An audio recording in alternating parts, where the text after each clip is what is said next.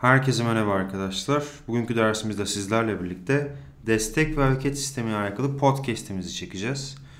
Hemen başlayalım. İlk öncesinde bakın her zaman olduğu gibi şunu söylemekte fayda var. Bu konuyu öncesinde lütfen benden dinlemiş olun. Daha sonrasında en son podcast'i benden dinleyin arkadaşlar. Evet destek ve hareket sistemiyle alakalı muhabbetlerimize başlayalım. Destek ve hareket sisteminde İskelet ve kaslar olmak üzere iki şekilde inceliyoruz arkadaşlar destek ve hareketi. İskeletten başlayacağım. İskelete bakıldığı zaman arkadaşlar baş, gövde ve üyeler iskeleti olmak üzere 3 şekilde gruplandırılıyor e, iskeletimiz. Baş iskeletimiz beyni koruyan kafatasını kemikleriyle yüzümüze şekil veren yüz kemiklerinden ne yapıyor? Meydana geliyor. Gövde iskeleti ise arkadaşlar iç organların korunmasını sağlıyor ve desteklik sağlıyor.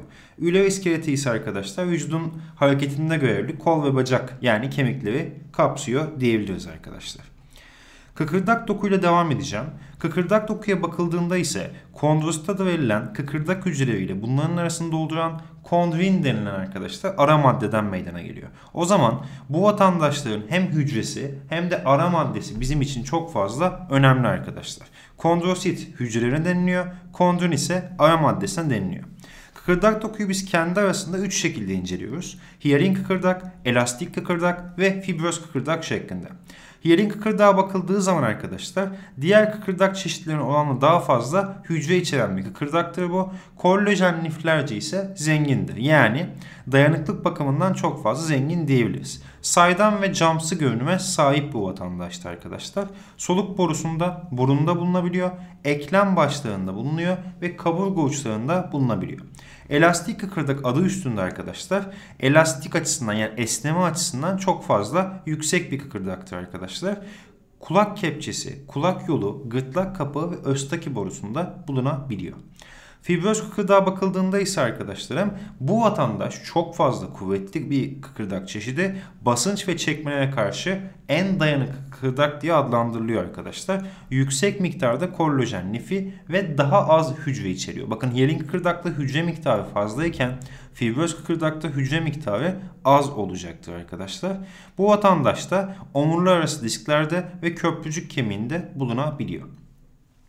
Geldik diğer bir doku çeşidimize kemik doku. Kemik dokuya bakıldığı zaman bu vatandaş kıkırdak dokunun bir üst versiyonu yani bir üst versiyonu derken farklılaşmış halidir. Fakat her e, kıkırdak doku hücresi kemik dokuya dönüşecek diye bir kaide yoktur.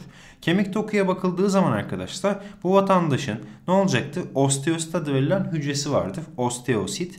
Ara maddesi ise arkadaşlar osein diye adlandırılabiliyor. Ara maddenin bileşiminde inorganik tuzlar çok fazla bulunmakta. Biz kemik dokuyu kendi arasında sıkı kemik doku ve süngerimsi kemik doku şeklinde iki şekilde ayıracağız arkadaşlar. Sıkı kemik dokuya bakıldığı zaman uzun kemiklerin gövdesinde ve baş kısımlarının yüzeyinde kısa ve yassı kemiklerin de dış yüzeyinde bulunabiliyor. Biz sıkı kemik dokuda en fazla dikkat edeceğimiz nokta şu. Kanallardan meydana geliyor bu vatandaşlar. Havers kanalları ve Volkmann kanalları diye iki şekilde kanalımız bulunmakta. Bu kanallara bakıldığı zaman Havers kanalı ve Volkmann kanalını aklınızda tutmanız için arkadaşlar bir tane H harfi çiziyorsunuz. H harfinin H harfinin kolları Havers kanallarından oluşuyor. Çizgi ise ortasındaki çizgi ise Volkmann kanalını meydana getiriyor. O zaman H harfi çizdiğimizde Hakkari N'si yani Havers kanalları iki tane çubuğu ortasındaki çubuk ise Volkmann kanallarını yani birbirine bağlantısını ise Volkmann kanalı ne yapacaktır? Oluşturacaktır diyebiliriz. Burada kemiğin dış yüzeyinde periost adı verilen enine büyümeyi sağlayan koruyucu yapıları olduğunda mutlaka unutmayalım arkadaşlar. Önemli bizim için. Diğer bir vatandaşa bakıldığında ise süngerimsi kemik doku. Süngerimsi kemik doku sert kemik dokusunun altında yer alıyor. Uzun kemiklerin gövde kısmında ise bulunmayacaktır. Yani bu baş kısımlarında bulunabiliyor. Şimdi baş kısımlarında e, bulunabiliyor arkadaşlar. Bu kısma önem verelim. Sünger gibi gözenekli bir yapıya sahip olmasından dolayı bu adı alıyor. Doku içerisinde yer alan gözenekler kan hücrelerinin yapımından sorumlu kırmızı kemik ile dolu arkadaşlar. Şimdi burada dikkat etmenizi istediğim nokta arkadaşlar süngerimsi kemik doku e, bizim sert kemik dokuya oranla birazcık daha ne olacaktı? Popülaritesi düşük bir vatandaştı. Buna dikkat etmekte fayda var. Kemiklerin dış kısmında periost adı verilen yapı bulunmakta. Periost denilen yapı arkadaşlar e, bol miktarda arkadaşlarım sinir ve kan damarı taşıyor. Kemiğin enine büyümesini sağlıyor. Periost arkadaşlar önemlidir. Sakın ola ki ders anlatırken de bahsetmiştim. Bunu epifiz ile karşıla, yani karıştırmayın. Epifiz plağı arkadaşlar boyuna büyümeyi sağlarken bizim buradaki periost arkadaşlar enine büyümeyi sağlıyor. Kemikler şekillerine göre dörde ayrılıyor. Uzun kemikler, yassı kemikler, kısa kemikler ve düzensiz kemikler şeklinde. Uzun kemiklere bakıldığı zaman uzun kemikler boyu enine göre daha uzun, iki ucu şişkin, silindir şeklindeki kemikler diye adlandırılıyor. Kol ve bacak kemikleri vücudumuzda yer alan uzun kemikler örnek olaraktan verilebiliyor. Uzun kemiklerin yüzeyi ve gövde kısmı sert kemik dokudan, baş kısımları ise süngerimsi kemik dokudan meydana geliyor. Uzun kemiklere bakıldığında burada boydan boya bir tane vatandaşımız var. O da ilik kanalı adını alıyor. Bu boşluk yani ilik kanalı boşluğu sarı kemikleri dolu arkadaşlar. Sarı kemik iliği ile doludur e, bilginize. O zaman ben şunu bileceğim burada. Uzun kemiklerde mutlaka sarı kemik iliği bulunuyor. Yani sarı kemik iliği sadece uzun kemiklerde bulunuyor diyebiliriz arkadaşlar. Şimdi Burada epifiz plana değinmek istiyorum. Epifiz plağı ise arkadaşlar ee, kıkırdak yapıya sahip 19-23 yaşında sonra kemikleşiyor ve kemiğin boyuna uzaması duruyor. Yani şunu demeye çalışıyorum. Epifiz plağı 19 ile 23 yaşları arasında arkadaşlar kemiğin boyuna büyümesini sağlıyor. Daha sonrasında ise bu yapı kıkırdaktan kemiğe doğru ne yapacaktır? Dönüşeceği için artık boyuna uzama duracaktır. Bu yüzden 23 yaşından sonrasında insanlarda uzama duracaktır arkadaşlar. Tekrarlıyorum. Periost enine büyümeyi, epifiz plağı ise boyuna büyümeyi sağlayacaktır. Geldik diğer bir kemiğimize yassı kemikler. Yassı kemikler ise kalınlığı az olan kemiklerdir. Kafatası gibi kürek, kalça, kaburga kemikleri gibi göğüs kemikleri yassı kemiklerde adlandırılır.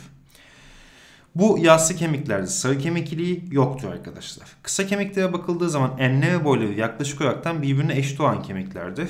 Bunlarda da yine arkadaşlar ne olmayacaktır? Sarı kemik iliği bulunmayacaktır. El ve ayak bileklerinde yer alan kemikler kısa kemikler diye adlandırılıyor. Düzensiz şekilli kemiklerde ise e, belirli bir düzen şeklinde olmayan kemiklerdir. Bunlar omurlar ve yüz kemikleri, e, yüz kemikleri buna örnek olaraktan verilebiliyor. Düzensiz şekilli kemiklerde de sarı kemik iliğine rastlanmayacaktır. Geldik eklemlere. Eklemlere bakıldığı zaman iskeleti oluşturan kemiklerin birbirine bağlandıkları yerler arkadaşlar ne olacaktır? E, eklem denilecektir. İki tane kemiği birbirine bağlayan yapıya eklem adı veriliyor. Bakın tekrarlıyorum. İki tane kemiği birbirine bağlayan yapıya eklem adı veriliyor. Eklemler hareketlilik derecesine göre oynayan eklemler, az oynayan eklemler ve oynamaz eklemler diye üç şekilde inceleniyor. Oynayan eklemler adı üstünde omuz, kalça, diz, dirsek gibi bölgelerde bulunabiliyor arkadaşlar. Az oynayan eklemler ve oynamaz eklemler vardı bir de arkadaşlar. Az oynayan eklemlerde hareket yeteneği az olan eklemler diye adlandırılacak. Oynamaz eklemler ise hiçbir şekilde oynama reaksiyonu göstermeyecektir.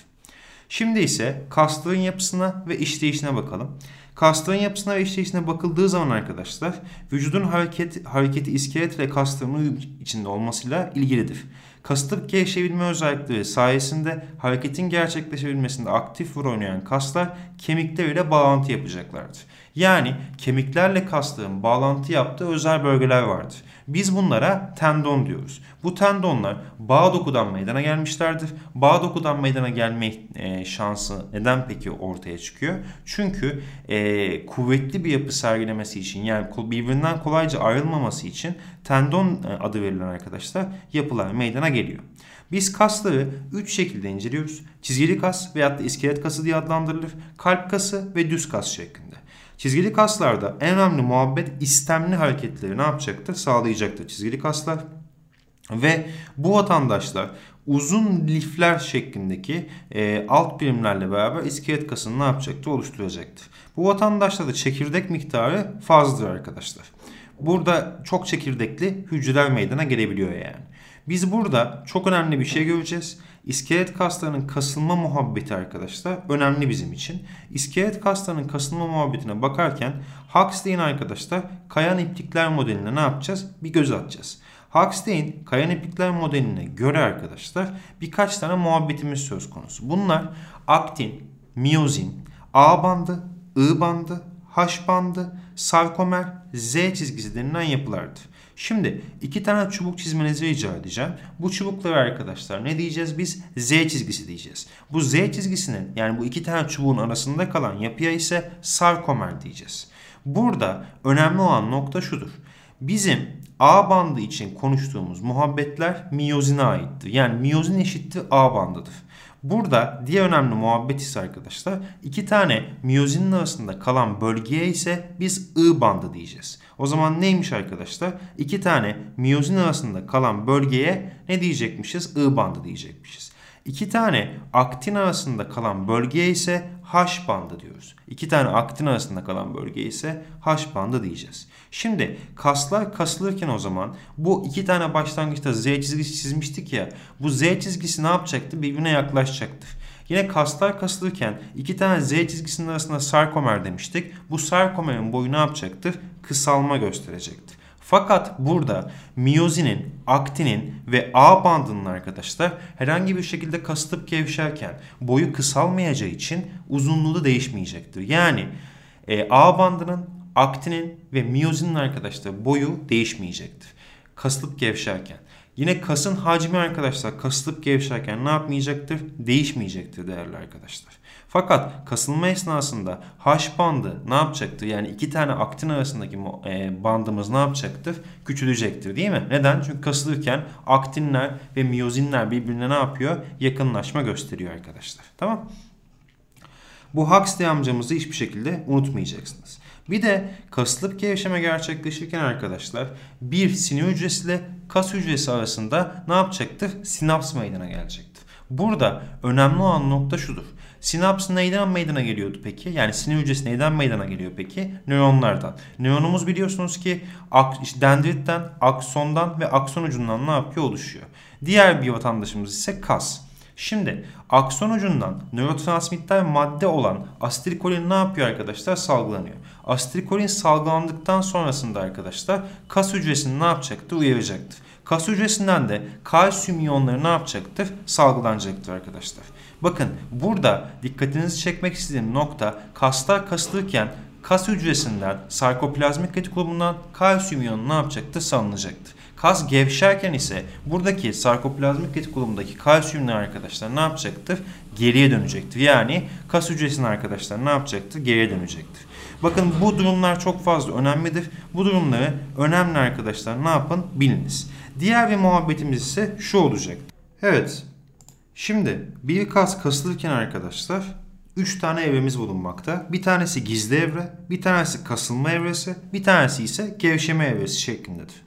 Gizli evreye bakıldığında kas daha tam kasılmamışken yani tam kasılmamışken derken kas dinlenme halinde iken arkadaşlar biz bu evreye gizli evre diyoruz kas kasılmaya başlamamıştır arkadaşlar gizli evrede. Yani daha uyartı gelip tamamen kasılmaya başlamamıştır. Kasılma evresinde ise kas kasılmaya başlamıştır. Yani kasılma evresinde tamamen kas kasılmaya başlamıştır ve kasılmanın son bulunduğu ana kadar devam etmekte. Gevşeme evresinde ise arkadaşlar kas artık kasılmayı bitirmiştir ve gevşeme evresine ne yapmıştır? Geçmiştir diyebiliriz. Kaslara sürekli uyartı gönderirsem ve sürekli bakın hiç durmadan uyartı gönderirsem kas tetanos konumuna geçiş yapacaktır. Tetanos konumuna geçiş yapan kas sürekli kasılı halde kalmakta arkadaşlar. Bunu da önemli vurgulayalım. Bir kasın dinlenme halinde ikenki durumuna kas tonusu diyoruz. Tekrarlıyorum. Bir kasın dinlenme halindeki durumuna kas tonusu diyoruz arkadaşlar. Bir e, başka muhabbetim de şu olacaktır. Önemlidir bu da aynı şekilde. Antagonist kaslar ve sinerjist kaslar diye iki tane kas muhabbetim daha var. Antagonist kaslarda arkadaşlar birbirine zıt şekilde çalışan kaslara biz antagonist kaslar diyoruz. Birbiriyle aynı bağlantıda çalışan kaslar ise sinerjist kaslar diyoruz. Yani paralel şekilde çalışıyorsa birbirine sinerjist doğru orantıyla, zıt çalışıyorsa antagonist kaslar diyoruz. Bir diğer muhabbetimize geçiş yaptığımızda ise kalp kasını göreceğiz. Kalp kası iskelet kaslarında gördüğümüz aktin ve miyozin iplikçiklerin birbiri üzerine kaymasına bağlı çalışma prensibi kalp kası ve düz kaslarda arkadaşlar geçerlidir. Kalp kasına bakıldığı zaman yapısını incelediğimizde bantlaşmadan dolayı iskelet kaslarına benzediğini görüyoruz. Fakat iskelet kaslarından en büyük farklarından bir tanesi de şudur. Kalp kasında herhangi bir şekilde istemli çalışma durumu söz konusu değildir arkadaşlar. Bu önemli. Ve kalp kası dallanma şekilde ne yapacaktır? Yapı sergileyecektir. Dallanma durumu kalp kasına özgüdür diyebiliriz arkadaşlar. Yine bu vatandaşlar tek çekirdekli veya iki çekirdeklidir diyebiliriz arkadaşlar kalp kası için tamam mı? Kendi uyarılarını kendisi oluşturabiliyor kalp kasları. Düz kasa bakıldığında ise düz kas yine istemsiz çalışan kaslardan bir tanesidir ve arkadaşlar tek çekirdekli olaraktan adlandırılıyor. Bu vatandaşların en önemli muhabbeti şudur. Düz kaslarda arkadaşlar e, genel itibariyle bakıldığı zaman yavaş çalışırlar fakat uzun süreli ne yapacaklardır arkadaşlar? Çalışma güdecektir diyebiliriz. Düz kaslardan da bu şekilde bahsetmiş olalım. Şimdi iskelet ve kas sistemi hastalıklarına bakıldığı zaman kemik erimesinden bahsedeceğim. Kemik erimesine bakıldığı zaman arkadaşlar kemik erimesinde e, ilerleyen yaşlarda ortaya çıkan bir rahatsızlık olarak adlandırılıyor kemik erimesi. Bu kemik erimesinde arkadaşlar normal kemikte olan ara maddenin yoğunluğu yoktur. Yani e, zayıflamış olan bir kemik durumu söz konusudur. Bu yüzden de e, ara maddede boşluklar söz konusudur. Raşitizme bakıldığında ise raşitizmde arkadaşlar ne olacaktır? Organizmanın iskelet yapısında ve gelişiminde ona önemli rol üstlenen arkadaşlar kalsiyum ve fosfor kullanımındaki yetersizlik ortaya çıkıyor. Yani burada kalsiyum ve fosfor kullanımındaki yetersizlikten dolayı arkadaşlar raşitizm görülebiliyor. Bu raşitizm arkadaşlar e, küçük çocuklarda açığa çıkıyor ve özellikle D vitamini eksikliğinde yani güneşi yeterli almayan çocuklarda açığa çıkabiliyor. Romatoid artrit denilen başka bir hastalığımız söz konusu. Bu ise arkadaşlar eklemlerde iltihaplanmayla yani eklem romatizması olarak açığa çıkabiliyor arkadaşlar. Menisküse bakıldığı zaman dizlerimizde iç ve dış olmak üzere iki adet bulunan ve ekleme binen ağırlığı dağıtma görevini üstlenen kıkırdak yapılar menisküsler diye adlandırılıyor. Bu yapılarda zedelenme açığa çıkarsa menisküs yırtığı diye adlandırılır. Kırığa bakıldığı zaman kemik bütünlüğünün bozulması durumu diye adlandırılır. Kırıklar kemiklere ya da kemiklere yakın kas, eklem, bağlara yönelik vurma, çarpma, düşme gibi kazalar sonucunda açığa çıkabiliyor. Çıkığa bakıldığında ise aşırı zorlama ve baskı sonucunda e, ne yapıyor? Kemiklerin eklem yerlerinden ayrılması durumu. Biliyorsunuz eklem neydi arkadaşlar? İki tane kemiği birbirine bağlayan yapıydı. Eklemlerdeki bağların veya çevresindeki dokuların ani ve ters bir hareket sonucunda gerilmesine ve bazen yırtılmasına ise burkulma diyoruz arkadaşlar. Tamam mı? Bunları da unutmayacağız. Bunlar bizim için çok fazla önemli. Şimdi raşitizmin ilerleyen yaşlarda e, açığa çıkan hastalığına ise çeşidine ise osteomalazi diyeceğiz arkadaşlar. Bu da çok fazla önemlidir. Bir başka hastalığım ise mesela diyelim ki kramp. Kramp ise arkadaşlar yeterli bir şekilde eğer ki vücudunuzda kalsiyum eksikliği varsa kaslar aniden ağır bir çalışma yüklenildiğinde kas hücrelerine yeterli besin ve oksijen gidemez ve bu durumda arkadaşlar kramplar açığa çıkabiliyor. Bunlar da önemli bizim için. Bunları da mutlaka mutlaka bilgileyelim. Tamam. Şimdi ise ufak bir şeyden daha bahsedip podcast'imi bitirmiş olacağım. O ufak şey de şu. Bir kas, iskelet kası e, çalışırken arkadaşlar neye gereksinim duyacaktır? Hem kasılırken hem de gevşerken arkadaşlar ATP ihtiyaç duyacaktır. Bu ATP ihtiyacını nasıl karşılayacak peki bu vatandaş? İlk öncesinde ATP'den ne yapacaktır? ATP hidroz ederekten bunu yapabilir. ATP hidroz ettiği zaman arkadaşlar ne olacaktır? ATP artı su, ATP az enzimi yardımıyla ADP artı fosfat artı enerji açığa çıkabilecektir. Daha sonrasında yine elimde eğer ki ne yoksa ATP bittiyse e, kreatin fosfat denilen vatandaşlar ne yapabiliyorum arkadaşlar? Fosfat çekip buradan da ATP sentezi ne yapabiliyorum? Gerçekleştirebiliyorum diyebiliriz. Eğer ki elimde bütün her şey bittiyse ben e, depo ettiğim glikojenleri glikoza çevirerekten bunları oksijenli solunumda ne yapabiliyorum? Yıkabiliyorum ve buradan da ATP elde edebiliyorum. Varsayalım ki eğer ki oksijen de bittiyse elinde yani oksijen hiçbir şekilde yoksa elinde yine glikojeni hidroz edip arkadaşlar glikoza çeviririm ve bu glikozu laktik asit fermentasyonu yardımıyla ne yapabilirim arkadaşlar? Döngüye sokup bundan da ne yapabiliyorum? ATP üretebiliyorum arkadaşlar. İskelet kaslarının kasılması sırasında ATP gibi, kreatin fosfat gibi, glikoz gibi, oksijen gibi, glikojen gibi maddelerin miktarı azalırken ADP, fosfat, kreatin, karbondioksit, su, laktik asit gibi adamların ve ısı gibi adamların miktarı ne yapacaktır? Artacaktır diyebiliriz arkadaşlar. Evet, destek ve hareket sistemiyle alakalı podcast'imizi bu şekilde tamamlamış olduk. Bir sonraki podcast'imizde ise sindirim sistemi hakkında konuşacağız. Şimdilik hoşçakalınız efendim.